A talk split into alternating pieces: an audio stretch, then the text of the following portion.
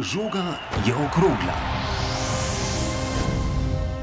Lepo pozdravljeni v našem podkastu, tokrat malce drugače kot eh, mnogi tedni, tudi mi, če le lahko delamo od doma in danes je tako. Vsi smo povezani nadaljavo, zbrani pa smo z istim ciljem kot prej, da debatiramo o nogometu. V spredju je seveda novi koronavirus, kako je vplival na sezono, kako bo še, kakšni so možni scenariji za izvedbo tekmovanj. Pogovarjali se bomo tudi o odstopu Mariborskega dvojca, ki je klub zdaj pustil brez krmarja, pa tudi o izjemnih predstavah Iličiča in Oblaka v Ligi prvakov. Gosta danes Boštjan Janežič, živijo Boštjan. Živijo, dober dan. In Jože Pepevnik. Zdravo. Moje ime je pa Luka Petrič. Prvi polčas. Povejte najprej, kako sta kaj, kako doživljate vse skupaj te dni, Boštjan, najprej ti. Ja, kot čas brez terenskega dela, brez fizičnega preverjanja informacij, ta del novinarstva mi je sicer najbližji, pa za urejanje arhiva je dovolj časa spremljanje novic samo prek medijev. Namenjam tudi velik del časa samoizolaciji in, spre, samoizolaciji in spremljanju napotkov v teh izrednih razmerah, sicer pa nekako na 30 odstotkih bi lahko dejal.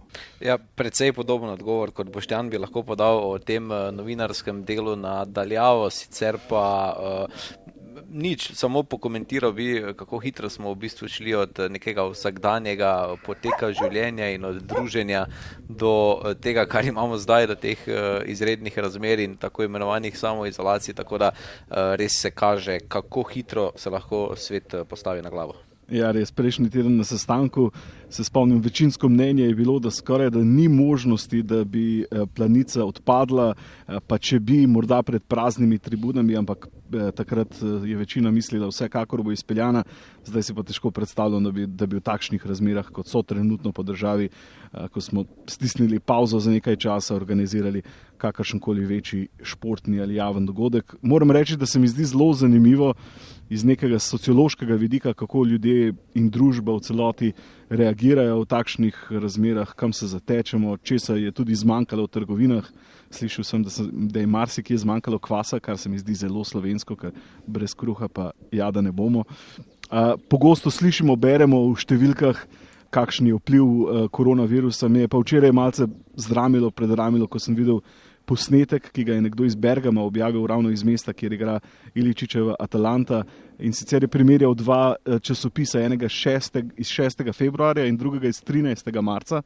In eh, v tistem 6. februarja je bila približno stran in pol, je bilo osmrtnic v časopisu, eh, no tisti, ki je pa tisti časnik iz 13. marca pa je imel kar deset strani o smrtici in ja, ta, ki je to objavil, je posnetek končal z besedami: takšna je navadna.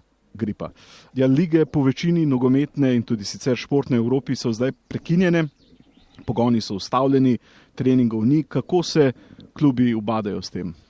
Ja, um, tisti klubi, ki imajo v svojih vrstah tudi morda potrjene primere te nove bolezni, so tako ali tako ustavili vse pogon. Uh, tudi slovenski klubi so načeloma ustavili uh, vse, uh, tudi treninge in, in druženje igralcev, vse, kar spada k temu, čeprav na srečo v slovenski ligi oziroma v slovenskem nogometu takšnega primera še nimamo. Bo pa bolj zanimivo kot morda, torej kako se bodo ti veliki naj največji klubi v Evropi spopadali s to situacijo. Zdaj je zanimivo videti, kaj se bo zgodilo s temi, s tistimi nekoliko manjšimi ali pa manjšimi klubi, ker se mi zdi, da so ti uh, takole za prihodnost bolj ogroženi, tudi finančno in v vseh teh pogledih. Tako da uh, tu zna nogomet morda več izgubiti kot na tisti najvišji ravni, kjer vseeno govorimo o takšnih zneskih, kjer uh, izpad če tudi velikega dohodka ne bi smel biti takšen problem. No. Razmišljam ravno o tem še, ko je bil četrtkov trening pri Olimpiji, ko je nogometna zveza šele kasneje potem eh, dala vse eh, skupaj za prekinitev lig, da bodo največje težave tudi z infrastrukturo. Eh, ker tudi ta, te objekti, tako da gre tisti, ki so v lasti mesta ali države, tako da gre bolj za individualno vadbo, če razmišljam po tej plati. Ja, zasledil sem tudi zgodbo iz Italije, eh, ravno takrat, ko so še odigrali tekme, ko so bile tekme še na sporedu. Mislim, da eh, zgodba iz Fiorentine, kjer so včeraj sporočili, da je sedem nogometašov bilo pozitivnih za koronavirus. No in preden so vse skupaj odpovedali, so, se, so se skušali držati navodil, da med treningom ostanejo igravci meter in pol na razen, pa so hitro ugotovili, da je to skoraj nemogoče v nogometu in na koncu ja, se zatekli več ali manj k individualnim treningom. In potem, seveda, vse skupaj um, v sklopu kluba uh, odpovedali, in zdaj nogometaši, kolikor se le da, uh, ja, trenirajo doma. Nekakšen prisilen poletni odmor torej za, za slovenske klube. Ne? Ja, hitro je šlo, hkrati pa tudi počasi od tiste želje, če govorimo o nogometni zvezi, da bi igrali pred eh, praznimi tribunami, pa do prekinitve oziroma do, do zamrznitve državnega prvenstva. Eh, in jasno, potrebno se je odzivati, a hkrati tudi ne delati pretirane panike. Jaz mislim, da je odločitev nogometne zveze na koncu bila nekako toliko hitra, kot so bile hitre odločitve vseh ostalih nogometnih zvez. Mislim, da so v tem preteklem vikendu še v Srbiji in Turčiji igrali, pa zdaj mislim, da je tudi v Srbiji ustavljen uh, več šport, uh, tako da težko bi zdaj uh, kogarkoli krivili za uh, prepozen odziv, no, vsaj kar se Slovenije tiče. Ja, zanimivo bo tudi videti, kako bodo te igre v zadju potekale, torej uh, kako bodo nekateri klubi pritiskali uh, na tekmovanja, da bi uh, ja, scenarij, ki bi jim najbolj ustrezal, obveljal. Recimo v Angliji je primer takšen, da se večina klubov v prvi ligi bori za obstanek. Ne? In uh, za vse te klube je bolje, da bi se vse odpovedali, da ne bi obveljali zdajšnji rezultati, uh, tudi da se ne bi pozneje končalo, ampak da bi naslednje leto vsi klubi, ki so zdaj že v Premier Ligi, še enkrat bili v Premier Ligi, kajti v tej v, so v 28-30 tekmah, kolikor jih je že bilo, že zaslužili veliko od televizijskih pravic, od gledalcev do vsega in v naslednji sezoni seveda na novo 38 tekem in bi spet uh, zaslužili, da nimo Karen Brady, podpredsednica West Hama, je že včeraj uh, v časniku Sun zatrdila, da želi, da bi se uh, sezona črtala. Bi pa bilo Eh, precej žalostno, eh, če skušam iz bolj objektivnega zornega kota zdaj tudi gledati, pa sem zelo subjektiven tukaj, da bi Liverpool ostal v tem primeru eh, brez naslova toliko časa, se že čaka 30 let in ja, za zdaj še matematično ni. Uh, vse potrjeno, da bo Liverpool uh, prvak in ja, lahko bi se zgodilo, da bi uh, v tem primeru uh, Liverpool moral še eno leto počakati na naslov. Kaj o tem menite? Če Liverpool ne bo potrjen kot prvak, potem mislim, da tudi nihče drug v Evropi ne bo potrjen kot prvak. Tako da um, enostavno bodo lige gledale na dogajanje drugot in potem seveda se klubi absolutno mislim, da tule ne bodo kar tako strinjali ne v angliški, ne v kateri koli drugi ligi, kjer so razlike seveda manjše, uh, s tem, da bi se nekomu pač v navednicah podarilo naslov državnega prvaka, čeprav je prednost tako velika kot uh, na primeru Anglije. -hmm. Pričakujem, da bi šlo za kar precej prerivanja, različna mnenja imajo klubi, tisti, tisti više uvrščeni, pa tisti nižje uvrščeni. E, gre tudi za jasno lovoriko na koncu sezone, pa predvsem za razvrstitev v evropskih tekmovanjih. E, če imajo zveze določeno tudi 70 odstotno odigranost, eh, potem prvenstvo šteje. Eh, pri nas še nismo tako daleč, eh, nekaj manj kot 70 odstotkov, sicer pa za razporeditev v Sloveniji potem bo spet drugače. Za evropske kvalifikacije nekako prinaša tudi pokal, pri pokalu smo šele pri polfinalu. Ja, eh, ravno včeraj sem šel to zračunati. V slovenski ligi je bilo do zdaj odigranih 69,4 odstotka vseh tekem, torej eh, le nekaj tekem manjka do teh eh, 70 odstotkov.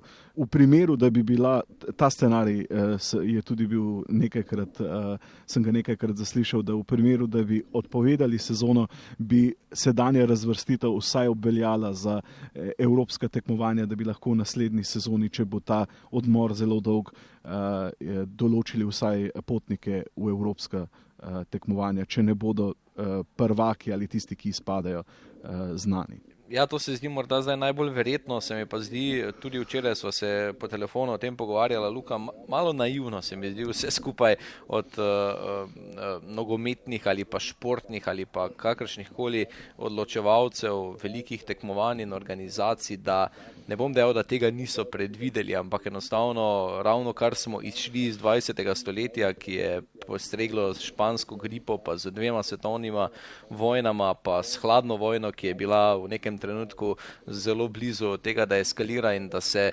enostavno tako velike organizacije z temi uh, ekipami odvetnikov, pravnikov niso pripravile na takšne scenarije, da niso postavile pravil, kaj se zgodi v teh primerih, je vsaj malce naivno. No. Eh, ne bom dejal, da je bilo to za pričakovati, kaj se zdaj dogaja, ampak uh, človeška zgodovina je zgodovina nekih katastrof in epidemij in vojn. Tako da bi človek pričakoval, da bodo tu pravila morda malce bolj jasna. No. Uh, nekaj ste že prej omenili o tem, kako je koronavirus vplival na poslovanje klubov. Še kaj, še kaj več o tem? Jaz mislim, da uh, mogoče se bo zdaj slišalo hecno ali pa ironično ali pa nesramno, ampak dejansko uh, slovenski klubi, ki uh, nekako tiste velike zaslužke ustvarjajo v Evropi ali pa s prodajo igralcev, kar se TV pravic tiče in kar se. Uh, prihodkov, vstopnic tiče, niti ne bodo toliko na slabšem, kot so bili do zdaj. No. Eh, bolj se bo to poznalo, seveda, v tistih večjih ligah, kjer so stadioni vedno polni, eh, kjer klubi velik del eh, svojih prihodkov ustvarijo s tako imenovanimi match day zadevami. Tako da, kaj pa vem, no, če je iskati neko pozitivno stvar vsem skupaj za slovenski nogomet, potem je morda to to, čeprav seveda nič ni dobro, ampak škoda bi znala biti relativno majhna v primerjavi z drugimi državami. Slovenija se bo brško ne ravnala v skladu tudi tistega rankinga v, na žrebu lige narodov, ki, ko je med 41. in 44. mestom v Evropi, kot pravi tudi Ože, s televizijskimi previcami se pri nas ne da hvaliti niti živeti, tako da bodo uh, verjetno tudi na naši zvezi razmišljali, potem, razmišljali šele potem uh, po 40. mestu, ko bodo glavno besedo imele večje lige. Ja, o tem, da je pa veliko več denarja v igri v drugih večjih evropskih ligah, pa je včeraj poročala nemška tiskovna agencija in sicer je uh, predvidevala, da bi lahko Bundesligaši bili ob 750 uh, milijonov evrov, da bi imeli lahko takšno izgubo, če bi se sezona odpovedala. Razmišljali so tudi celo o nekaterem solidarnostnem skladu. Najglasnejša ironičnost je bila tu Bayern in Borussia Dortmund, najbogatejši najboljša kluba in morda bo, bodo pri tem, če se bodo seveda sploh za to odločili, bolj posrečeno akcijo izpeljali, kot pa uh, je bilo pošiljene SMS sporočil za podporo planice v Sloveniji, uh, ki so jo hitro končali, ko so ugotovili, da bi bilo vendarle bolje oziroma da bi denar marsikdo pre, precej bolj uh, potreboval kot pa najdonosnejše vsakoletno tekmovanje v Sloveniji. Eh, kot rečeno, položaj se zna v naslednjih dneh še precej spremeniti, oddajo pa nadaljujemo v Mariboru.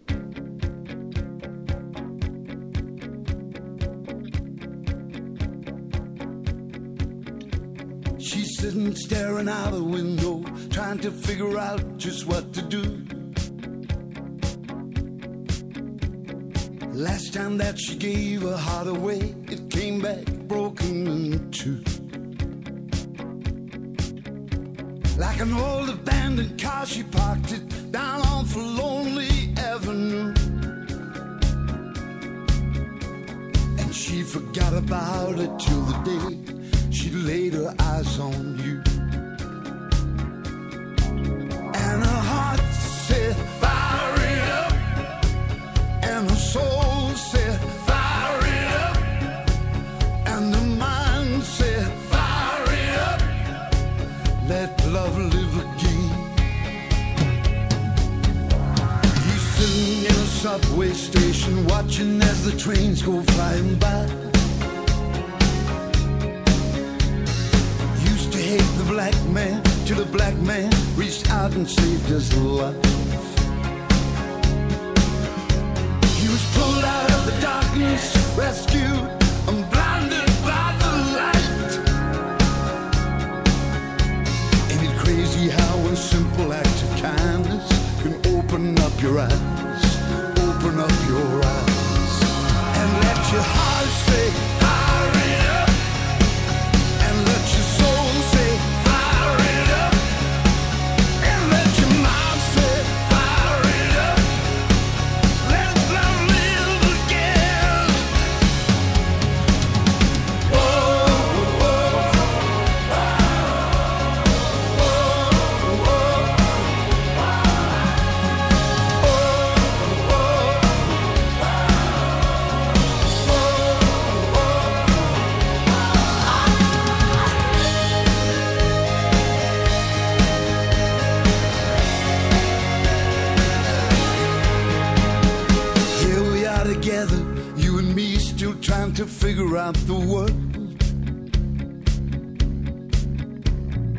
Searching for a reason to believe in what makes this big ball turn. But if we hold on to each other, give love, show love for all love's worth. Yeah, they might call us crazy,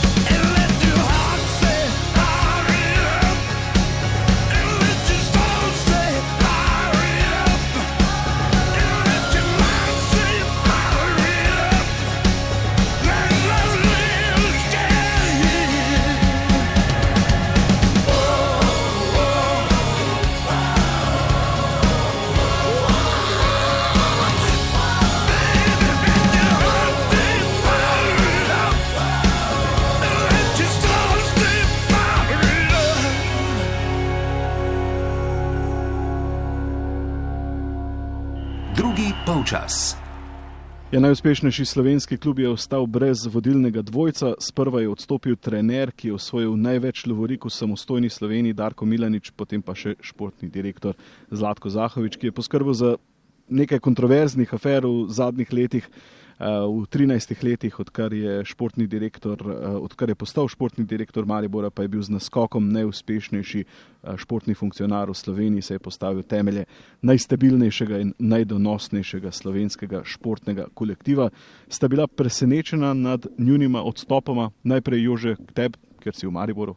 Uh, jaz niti nisem bil tako zelo presenečen, ne z enim, ne z drugim, v bistvu, čeprav je to res uh, tektonska sprememba, Milaničev odstop. Vedno smo nekako vezali Milaniča za, na Zahoviča in obratno. Uh, mnogi so bili seveda mnenja, da tudi ob tem odstopu Darka Milaniča Zlatko Zahovič ostaja v klubu. Jaz pretirano presenečen moram reči, nisem bil, enostavno se je zadeva nekaj časa že kuhala, odnosi znotraj kluba niso bili najboljši že kar nekaj let, bom dejal, no, oziroma vsaj ne tako kot morda v prvem Milaničevem mandatu, uh, sploh po tisti uh, aferi Ibrahimi, pa po tisti uh, famozni tiskovni konferenci po tekmi s Krškim marca 2018. To je bilo vse skupaj precej, precej uh, takole v zraku in uh, mene osebno ni presenetilo, ta, ta razvoj dogodkov me ne preseneča. No. Tudi mene ne, morda lahko govorim za malo presenečenje, ker je odstopil dvojec, sicer pa Milanič in Zahovič že dolgo nista bila več na isti valovni dolžini. Eh, Če pa razmišljam potem naprej po odstopu trenerja, pa tudi ne eh, Zahovič eh, z ljudmi, ki delajo v klubu. Zahovič se je podsta- postavil nad klub in potem so stvari eskalirale. Ja, preden pa se še bolj podrobno pogovorimo o tem, pa bomo prisluhnili eh, tvojemu prispevku. Jože objavljen je bil v nedeljskem športnem popodnevu in ponuja prerez Zahovičevega vodenja Maribora. Ko je poleti leta 2007 Zlatko Zahovič prevzel mesto športnega direktorja v nogometnem klubu Maribor, je bil takrat sedemkratni državni prvak, finančno in organizacijsko na kolenih. Sanacija, ki je po letu 1999 in prvi ligi prvakov v klubu trajala skoraj celo desetletje, bi se morda končala po scenariju Olimpije in Mure, ki sta v letih mariborskega rezultatskega zatona in prevlade Gorice ter Domžal izginili iz slovenskega nogometnega zemljevida. Poleti leta 2007 so govorice o prihodu Zlatka Zahoviča v ljudski vrt postajale vse glasnejše in realnejše. Le slab mesec dni pred njegovim ustoličenjem so na tekmi pokala Intertoto proti malteški Birkirkari navijači glasno zahtevali prihod Zahoviča tudi s transparentom Sive eminence, dajte prostor Zlatku. Ko je Maribor nekaj tednov pozneje proti srpskemu Hajduku iz Kule sramotno izpadel iz evropskega tekmovanja, so bila Zahoviču vrata kluba široko odprta. Tako so že sredi julija poslovni direktor Bojan Ban, predsednik Drago Cotar in Zlatko Zahovič zakorakali v skupno obdobje. Dejansko smo mi odprta vprašanja rešili v desetih minutah. Vse ostalo je bil prijateljski dogovor, dejansko smo oboje stransko zadovoljstvo, zavedamo se odgovornosti. Sem zelo zadovoljen, čeprav vem, da me čaka ogromno, ogromno dela, ampak to je to, kar si tudi želim, ker ti žrtvovati se za en tako inštitucijo kot Maribor je velik prilik. Od njega pričakujemo, da bo v strokovno eh, in svojo avtoriteto, znanjem, ki ga ima v nogometu, upravljal funkcijo športnega direktorja. Prvi trener v Zahovičevem obdobju je bil Marjan Pušnik, ki je bil takrat v klubu. Seveda imamo trenerja, ki je odgovoren za rezultate, jaz sem pa tista pomoč, ki pač, da mu, da mu omogočim so logistično podporo športno, da do tega pride. Ne glede, kdo je trener, kdo bo trener, se mu ni treba bati, kajti jaz nisem človek, ki bi od zadaj nekomu nekaj počel, tako da bom rekel, trenere bo maksimalno podporil. Ne glede na izrečeno, je že konec avgusta novi prvi kadrovnik Violičastih opravil trenersko menjavo. Pušnika je zamenjal Milko Đurovski, a je njegovo obdobje v ljudskem vrtu trajalo le tri mesece. Konec novembra sta skupaj z Zahovičem podala odstop, a je klub zapustil le Makedonec. Zahovič je ob podpori vodstva prvič utrdil svoj položaj, le nekaj mesecev pozneje pa prvič nekoliko utrdil tudi klubske finance. V prestopu, ki ga mnogi še danes vidijo kot rešilno bilko pred propadom kluba, je Zahovič po zimi 2008 Bolgara Dimitarja Makrijeva v izraelski Aždot prodal za okrogel milijon evrov. Po umestnem obdobju trenerja Branka Horjaka so vijoličasti stopili v prvi mandat Zahovičevega reprezentančnega soigralca Darka Milaniča. Klub je iz sezone v sezono spreminjal svoj kader in rasel. Pod vodstvom Izolana leta 2009 po šestih letih spet osvojil naslov prvaka in se na vseh področjih oblikoval po Zahovičevih pogledih na nogomet. Mariborskim navijačem je športni direktor večkrat javno povedal, kakšen Maribor lahko in kakšnega ne smejo pričakovati. Maribor, ki eh, eh, ve, kaj hoče, Maribor, ki zmaguje, eh, mogoče ne tako eh, učinkovitega Maribora, kot smo ga pričakovali, ampak Maribora, ki zmaguje. To, to, je, to je za nas zelo, zelo pomembno, kajti eh, ne glede na vse, kar mi od zadaj govorimo, je zmaga tista, za katero se trenira.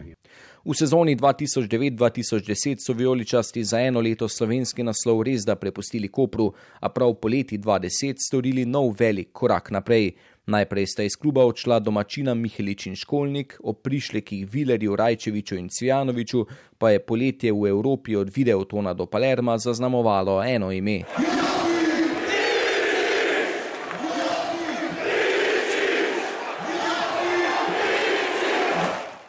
Prihodom Iličiča, pa tudi Beriča, je mariborski športni direktor zadev Terno.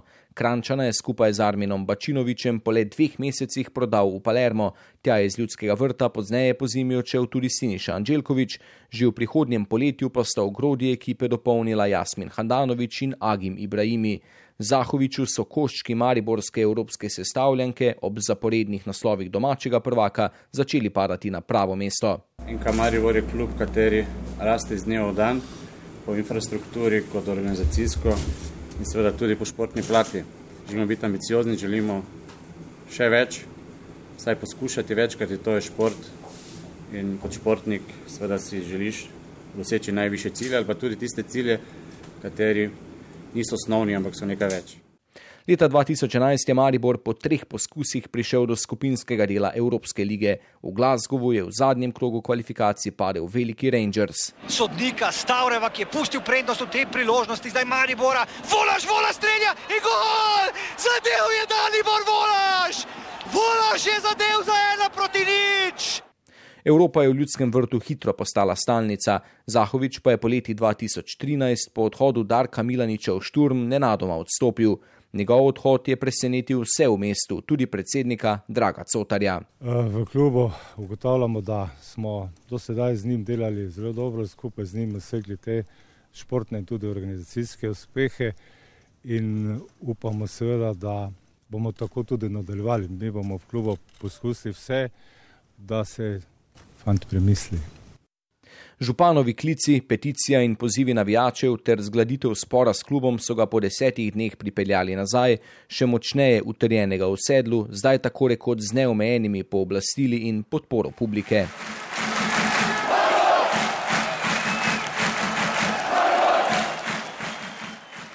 Tudi po umestnem obdobju Anteja Čačiča je z uspehi na klopi nadaljeval Ante Šimunča. Na domačem prizorišču vijoličasti konkurence niso imeli. Pod vodstvom nekdanjega napadalca so prišli najprej v 16. finala Evropske lige in potem po 15 letih še v Ligo prvakov. Spet je bil srečni kraj Glasgow, tokrat je bila žrtev Celtic. Gol za napredovanje je dosegel Tavares, po zgodovinskem uspehu pa sta tako razmišljala Šimunča in Aleš Mertel. Verjeti, želeti uh, in delati pomeni to tisto vodilo, katero se me drži oziroma želim tudi svoje igralce, kateri so danes bili vrhunski in sem uh, v tem trenutku zelo, zelo ponosen na njih. Kot ena velika družina smo med, med svoje igralci z vsemi v klubu in uh, to nas pelje tudi naprej in uh, kot pravim, ta, ta zgodba se res lepo, lepo nadaljuje. Morda najresnejši pretres v obdobju Zlatka Zahoviča se je zgodil v sezoni 2015-2016. Šimunčove fante je v Evropi takoj ustavila Astana, na derbiju pa povozila Olimpija. Na klop se je za pol leta usedel Krunoslav Jurčič, k malu po vrnitvi Milaniča pa je mesto pretresla afera Ibrahimi. Žaliva sporočila športnega direktorja Makedoncu in suspens slednjega so opustili sledi. Maribor je naslov prvaka po petih letih izpustil iz rok. Da je bilo vse skupaj še bolj bolečega, je prehitela Ljubljanska olimpija.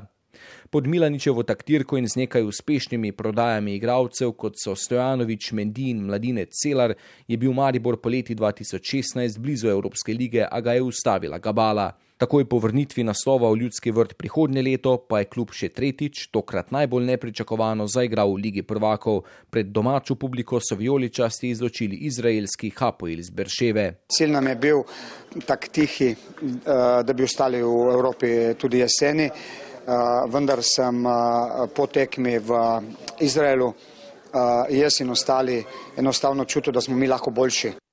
Tako kot tri leta predtem je Maribor v elitni druščini osvojil tri točke in napolnil blagajno, a mir v klubu ni trajal dolgo. Po porazu s Krškim spomladi 2018 je Zahovič na tiskovni konferenci po tekmi poskrbel za škandal in suspens tako strani kluba kot nogometne zveze. Po treh tednih se je, tako kot zmeraj doslej, vrnil suspens praktično za me in za moje delo ne pomemben. Pomembno je pa tisto, da smo danes tukaj, ker so odnosi spet tako, kot je treba. In to je, in to je za nas vse pomembno, zato smo tu in to sporočilo hočemo dati ne samo vam, ampak tistim, za katere smo tu, to so navijači a so bili prav slednji še najdlje najbolj na njegovi strani. Odnosi znotraj kluba so se krhali in jih po še enem naslovu Olimpije ter vrnitvi Lovrike v ljudski vrt lani poleti glavni klubski akteri niso mogli zakrpati. Pred dnevi je tako Zlatko Zahovič dokončno odšel iz Mariborskega kluba. O njegovi prihodnosti je prezgodaj ugibati, zelo zanimivo pa bo videti, kako se bodo brez idejnega vodje klubskega preporoda znašli novi in tudi stari ljudje na klubskih položajih. Če tudi je morda za končno oceno Zahovičevega dela prehitro, pa bo ta z vedno večjo časovno distanco vendarle vedno pozitivnejša. V slovenskem pa tudi širšem prostoru bi težko našli posameznika, ki je svojim delom in vplivom tako močno zaznamoval in preporodil kak športni kolektiv. Maribor je pod Zahovičevim vodstvom prehodil pot od skorajšnjega finančnega bankrota do večplasne stabilnosti in sinonima za uspeh. Skoraj z gotovostjo lahko trdimo, da v evropskih nogometnih okvirih ni kluba, ki bi v tako imenovanem malem okolju in s tako skromno podporo dosegal večje in odmevnejše uspehe. Pod vse te pa se je, naj si bo to všeč njegovim kritikom ali ne, vendarle podpisal Zlatko Zahovič. Eh, Jože, omenil si, da je Zahovič izgubljal podporo v klubu, kaj pa pri navijačih, ki so bili eh, njegovi najzvestejši privrženci? Zdaj, če se lahko samo še malo na klub obrnem, uh, slišal sem v zadnjih dneh, da um, tudi sponzorji na koncu koncev niso bili najbolj zadovoljni z razvojem dogodkov oziroma z, uh, s tem, kam so stvari nekako šle, kam je pes molil taco in uh, tudi pritisk strani nekaterih glavnih sponzorjev bi utegnil biti tu precej, precej pomemben. Je pa res po drugi strani, da je v zadnjih uh, 13 letih, mislim, da vendarle Zlatko Zahovic s svojim delom in posledično rezultati na igrišču pripeljal v klub eh, nekaj več denarja kot uh, ti omenjeni sponzorji, ampak sponzorji so seveda tisti, ki sestavljajo tudi upravni odbor. Mariborski navijači so veliko krat očitali upravnemu odboru, da uh, je zgolj črka na papirju, no zdaj pa je upravni odbor očitno vendarle, torej sprejel nekako na predlog Bojda Zahoviča njegov odstop in tu se mi zdi, da pokazal neko, neko zrelost, navijači pa tako južna tribuna Viole so, mislim, da kar do konca ostale z Latkom Zahovičem, to bi se znalo pokazati tudi v prihodnosti, ko in če klubu ne bo šlo tako dobro, ne dvomim, da bo znova se glasno omenjalo ime Zlatka Zahoviča, medtem ko na vzhodni tribuni oziroma na tisti tribuni z sezonskimi ostopnicami ljudi, ki jih je Zlatko Zahovič, po mojem mnenju, tudi malce precej, precej nepošteno um, označil kot tiste, ki nekako želijo škodovati klubu, oziroma ki uh, imajo celo po Zahovičevih besedah uh, za ston ogled tekem in, in uh, poceni sezonske vstopnice in uh, s podobnimi besedami. Tam pa seveda je Zahovič dolgo ni imel uh, podpore, predvsem zaradi nekega, da ja bomo absoluti, absolutističnega načina vodenja. Zamerili so Zahoviču navijači Maribora, da nekako trenerjem ni pustil, da bi uh, pustili uh, svoj pečat uh, nekako ali pa več svojega pečata v igri Maribora. Ja, funkcionar Zlatko Zahovič je bil alfa in omega v klubu, eh, ampak tudi podpora v mestu, pa med nekdanjimi nogometaši, tudi viole niso bile več eh, samo lojalne, mu je ta eh, priljubljenost začela padati. Milanič je dvakrat zdržal v sedlu, ker je bil Zahovičev vojščak, tisti, ki so bolj razmišljali svojo glavo, Šimun Čačič in Jurčič, ti so plesali v Mariboru krajši čas. Pa še ena stvar je, kar se Darka Milaniča tiče, zelo zanimiva, zgovorna, morda ne ravno največjega vzorca je bila večerova anketa pred nekaj dnevi po odstopu v bistvu obeh akterjev o tem, za koga ljudje mislijo, da je najbolj odgovoren za slabo eh, rezultatsko formo, za krizo kluba in je bil dejansko trener Darko Milanič med ponujenimi možnostmi na zadnjem mestu s precejšnjim odstopanjem eh, odstotkov, tako da jaz mislim, da so ljudje vseeno eh, nekako niso toliko zamerili Milaniču na koncu, kot so zamerili Zahoviču oziroma celotnemu upravnemu odboru. Darko Milanič je ostal do konca zelo, zelo gospodski, zelo na nivoju kar strelovod smo ga imenovali, mariborski novinari v zadnjih dneh, enostavno znal je nase venomer prevzemati uh, kritike situacije na igrišču, kritike kadrovske politike, vse je nekako šlo preko njega, ko Zlatko Zahovič pogosto krat ni bil na voljo za izjave, ni bil na voljo za uh, intervjuje, uh, ko se njegove vloge ni, se mi zdi, dosti ali pa preveč preizpraševalo, je bil Darko Milanič vedno nekdo, ki ga je ščitil, čeprav še ni bil, uh, čeprav ni bil uh, z njim na, kot pravi Boštjan, na isti valovni dolžini, ampak jaz mislim, da je do konca ostal zelo, zelo uh, gospodski in uh, mislim, da so navijači to na nek način znali prepoznati. No.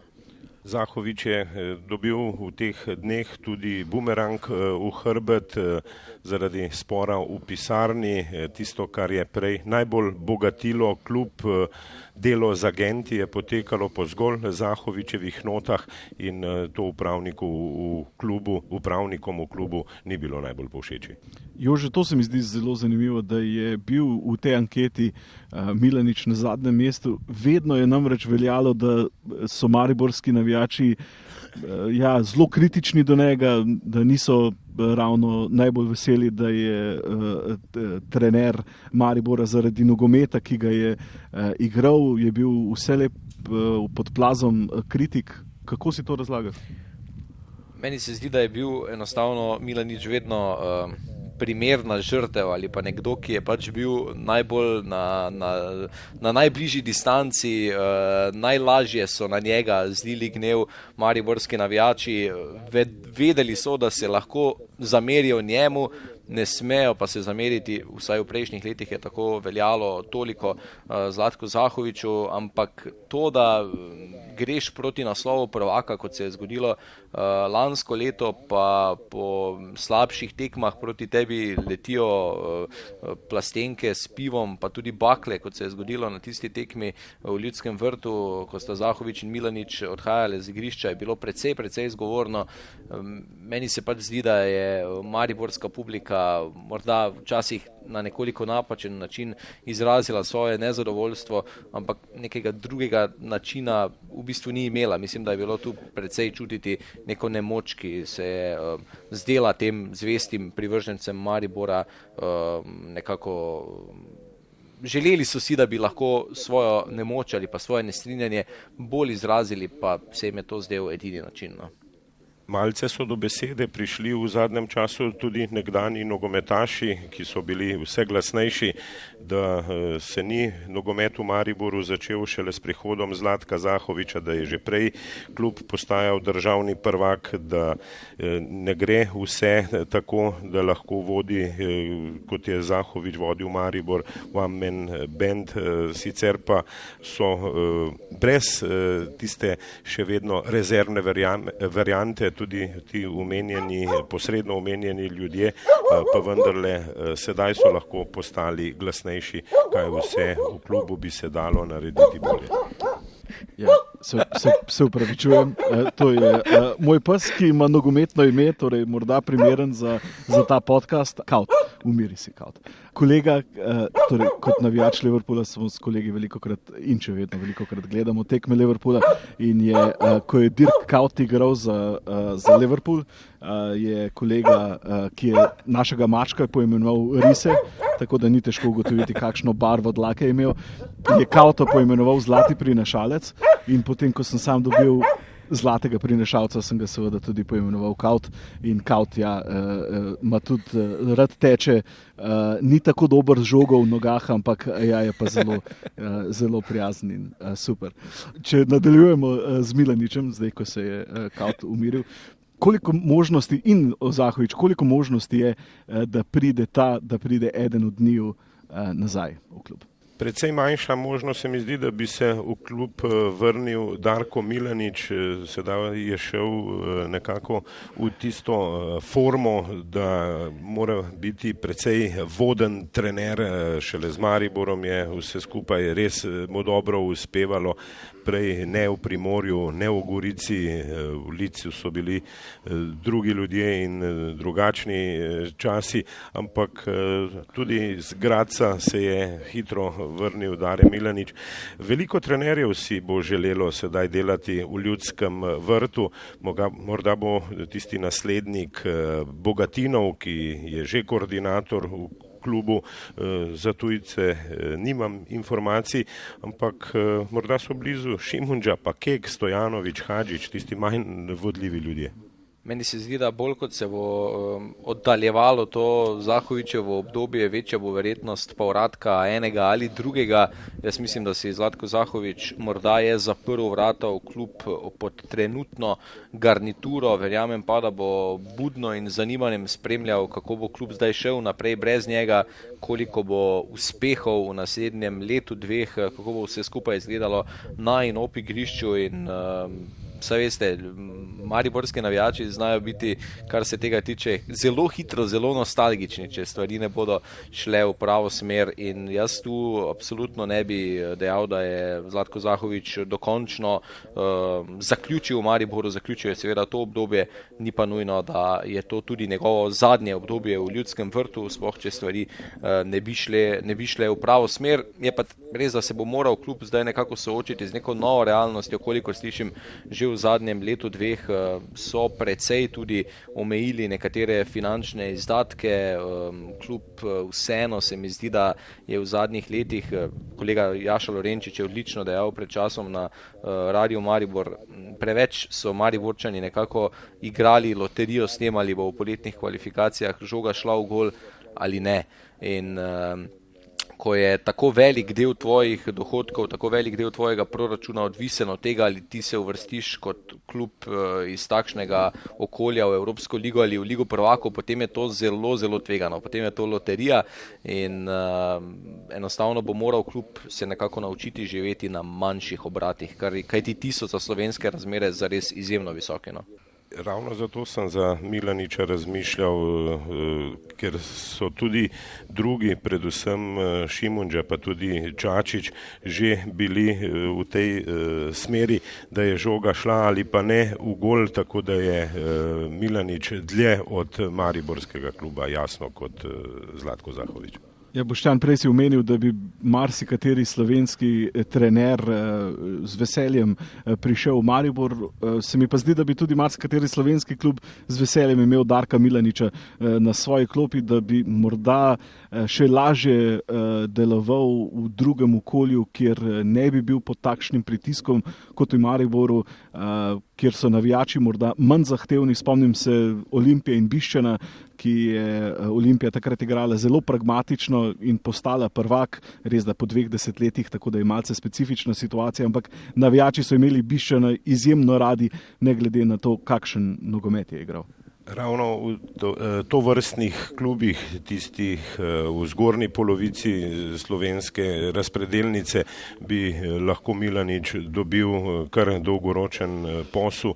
Tam manj razvijajo igravce, tam igrajo za evropske denarje, za, na rezultat, ne pa za ugajajočnost gledalcev. Naj bi bila seveda tisti nižji del lige pa primoral ravno eh, obratno delovati. Tako da, eh, če Milanič, eh, ki je po mojem mnenju potem v zgornji polovici lestvice v tekmovanju za evropske kvalifikacije. Ja, Milanič pravi, da ne potrebuje počitka in da bi lahko eh, takoj nadaljeval v drugi sredini. Eh, Jože Boštjan je že nekaj imen omenil, eh, ki bi lahko nasledili njega na Mariborski klopi. Si ti že kaj uh, slišal od novega v kakšnem konkretnem imenu? Nisem. Zdaj je verjetno tudi ta situacija okoli uh, zamrznitve javnega življenja in tako naprej vpliva na to. Uh, hecno se bo slišalo, ampak uh, če kdaj, potem je za Mariborski klub morda uh, to obdobje koronavirusa prišlo, ne bom dejal v pravem trenutku, ampak uh, ravno zdaj, ko, se, ko so se zgodili tako veliki pretresi, imajo v klubu absolutno dovolj časa, da vse skupaj mirno peljejo ali pa zapeljejo naprej. Tako da nisem slišal nič konkretnega o novih imenih, omenjal se je ko seveda smo še eh, imeli aktivno ligo in nogomet. Eh, omenjalo se je ime eh, Marka Nikoliča, ki je sedel na klopi Olimpije, pa je od novembra brez kluba, kajti prekinil je sodelovanje z mačarskim videotonom. Nikolič tudi nekdani partizanovec, tako kot Zlatko Zahovič. To se mi zdi, da je pri Zahoviču vedno bilo dobro priporočilo. Tako da zdaj, ko pa Zlatka Zahoviča ni v klubu, pa enostavno ne vem, kam, v kateri. Uh, cenovni rang bo sploh šel kljub eh, svojim novim trenerjem, kaj si bo želel privoščiti in uh, kakšnega trenerja bo želel, morda tudi, kdo ve, morda tudi trenerja in športnega direktorja v eni osebi bomo videli. Ja, omenil si to, da je prišel ta prisilen odmor v pravem času. Ali pa ne obstaja nevarnost, da zdaj, ko je brez športnega direktorja in trenerja, kljub da bo skromneje Maribor prebrodil ta čas, kot bi sicer, ko zdaj potrebuješ nekoga, ki uh, ja, bo uh, lažje vse skupaj krmaril.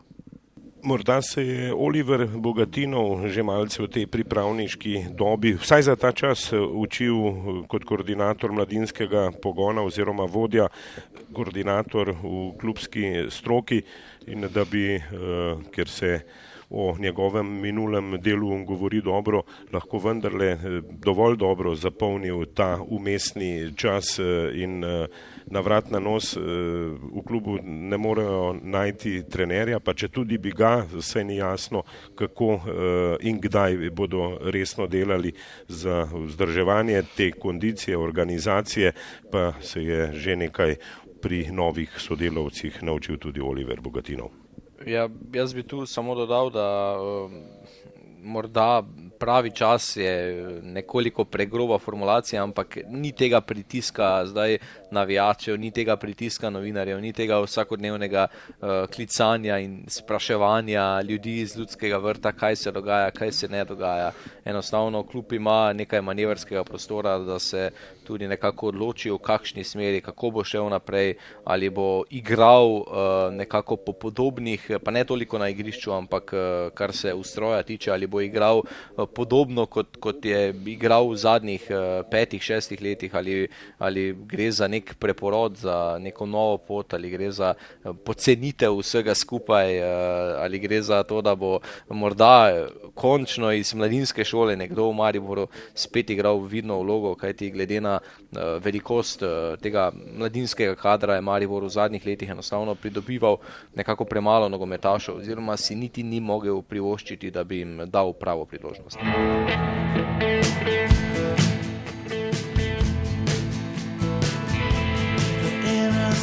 some child.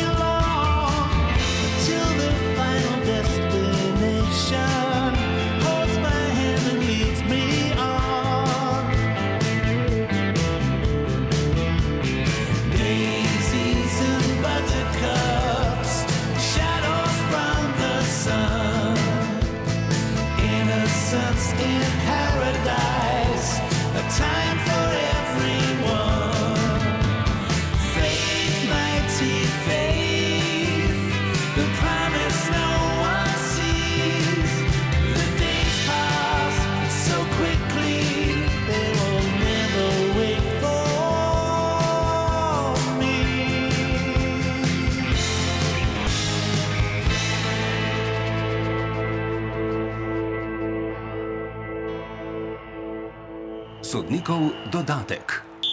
Je za konec pa še v izjemnih predstavah eh, najboljših eh, slovenskih nogometašev in sicer eh, najprej Josip Iličič, ki je bil fantastičen na mestali, štirje goli, skupaj pet, če upoštevamo še prvo tekmo in ja, popeljal je Atalanto v četrt finale Lige prvakov. Boštjan, tvoj komentar. Ja, izjemni dnevi Josipa Iličiča, izjemna pripravljenost, ki jo je začel že jeseni, sedaj ga je ustavil, pa tudi na to se zna dobro odzivati eh, širjajoči se eh, virus po eh, svetu, ampak Josip Iličič je motor igre Atalante, nista to Zap- Zapata in Papo Gomez, temveč je on tisti povezovale, če tudi ni kapetan eh, s trenerjem Gasperinijem in uh, res blesti Josip š- Trojno nam je lahko uh, sedaj žal, da Slovenija, če tudi prihodnje leto ne bo igrala na Evropskem eh, prvenstvu, ko je v takšni formi tako Josip Iličič kot tudi Jan Oblak, ampak če govorimo o Josipu Iličiču, dozorev je, umirjen je, kariero je rešil, sedaj pa ga zanima človečnost in tudi individualna ter moštvena statistika. Josip Iličič se je znašel, se mi zdi, v pravi ekipi s pravim trenerjem, v pravem okolju, da je zdaj res uh, zablestev uh, v vsem svojem polnem sjaju. Prej je bila njegova forma v prejšnjih klubih pri Palermo, pa pri Fiorentini, vedno nekako krivulja, ki je skakala gor in dol, zdaj je zelo, zelo konstanten. Uh, Marsikdo, verjetno od Atalantinih navijačev, zdaj uh, seveda je morda mnenja, da če se bo ta sezona morda prekinila, izničila, kaj podobnega, da je to enostavno velika zamojena priložnost za Atalanto, da bi morda storila kaj velikega. Kdo je tudi v Evropi, kaj ti enostavno igrajo tak nogomet, ki je ne paše enostavno mnogim ekipam in uh, igrati na gol več s tako razigranimi nogometaši je zelo nevarno za druge. No. Ja, veliko impresivnih uh, podatkov, uh, ko je uh, dosegel Iličič te štiri gole, da je najstarejši, ki je v, v Ligi prvakov zabil hetrik. Ne vem, če v sploh v Ligi prvakov ali le v izločilnih bojih, je pa vsekakor edini obmesil in Ronaldo, ki je v izločilnem boju dosegel pet golov, torej če upoštevamo še prvo tekmo. Najboljši podatek, ki sem ga izbrskal, pa je, da je sploh glede na to, kot si boš že omenil, da je on prej ustvarjalec kot zabijalec in ogromno priložnosti še pripravi za svoje soigralce, je neverjetno, da v letu 2020 nihče v najboljših 15 ligah v Evropi ni dosegel toliko golov kot Josip Iličič. Torej, Josip Iličič je, kar zadeva zabijanja golov, letos najboljši v Evropi in glede na to, da bo ta odmor še nekaj časa trajal, se to še nekaj časa ne bo spremenilo. E, super je bilo tudi po predstavi Atalante, da se je kot bumerang vrnila izjava e, šefa Juventusa Anjelja, ki se je spraševal, zakaj mora biti Atalanta v Ligi prvakov ker gre vendarle za majhen klub, zakaj ne igra denimo Roma, ki se je pred dvema letoma prebila v polfinale in bi lahko več točk prispevala italijanskemu koeficientu eh, v evropskih tekmovanjih. Juventus seveda na ta način vrši pritisk na UEFA, da zapre ligo prvakov, da ne bi uh, klubi na podlagi svojih uh, ligaških uvrstitev bili uvrščeni v evropske tekmovanja, ampak zaradi uh, prejšnjih zaslug, no potem pa je Atalanta uh, odigrala izjemno in uh, ponudila, še ponuja eno najlepših nogometnih zgodb v tej sezoni. Še Jan Oblak, devet obramb proti uh, Liverpoolu, največ v tej sezoni in uh, ja, uh, na podlagi, uh, na njemu in na obrambi uh, je uh, Atletico zgradil temelj, uh, da je napredoval na Enfieldu. Ja, Kremplje se je pred oblakom na Enfieldu polomil tudi Liverpool na povratni tekmi, kot praviš, zelo uigrano obrambo ampak eh, tudi z več nogometa kot doma. Oblak je bil eh, še enkrat več odličen, ampak to sploh ne preseneča.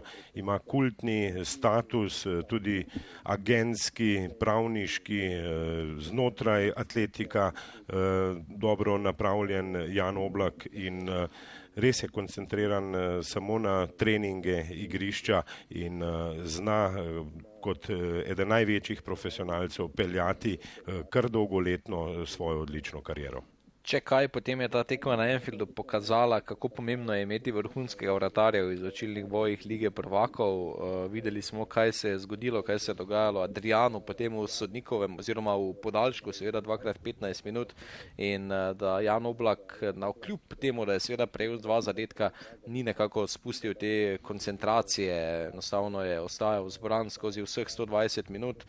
Uh, tako da tekma sicer, ki bi po vsej logiki morala biti končana po 90 minutah v korist Liverpoola, ampak še enkrat smo videli, kaj se zgodi, če um, seveda ne dosežeš oziroma ne, ne postaviš tiste pike na i.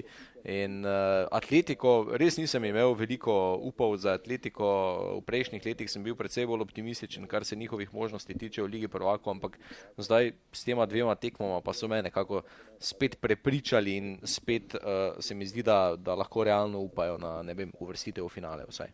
Žal je spet taktika premagala nogomet eh, za tiste sladokusce nogometne. Eh, jim jasno ni bilo prav, da se je končalo tako.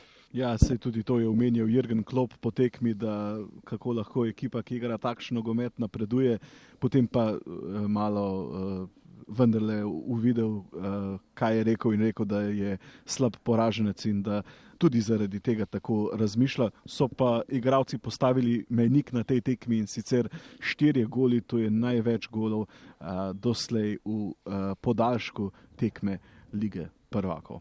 Hvala lepa obema za sodelovanje. Žoga je okrogla, je tako kot nogomet zdaj na odmoru.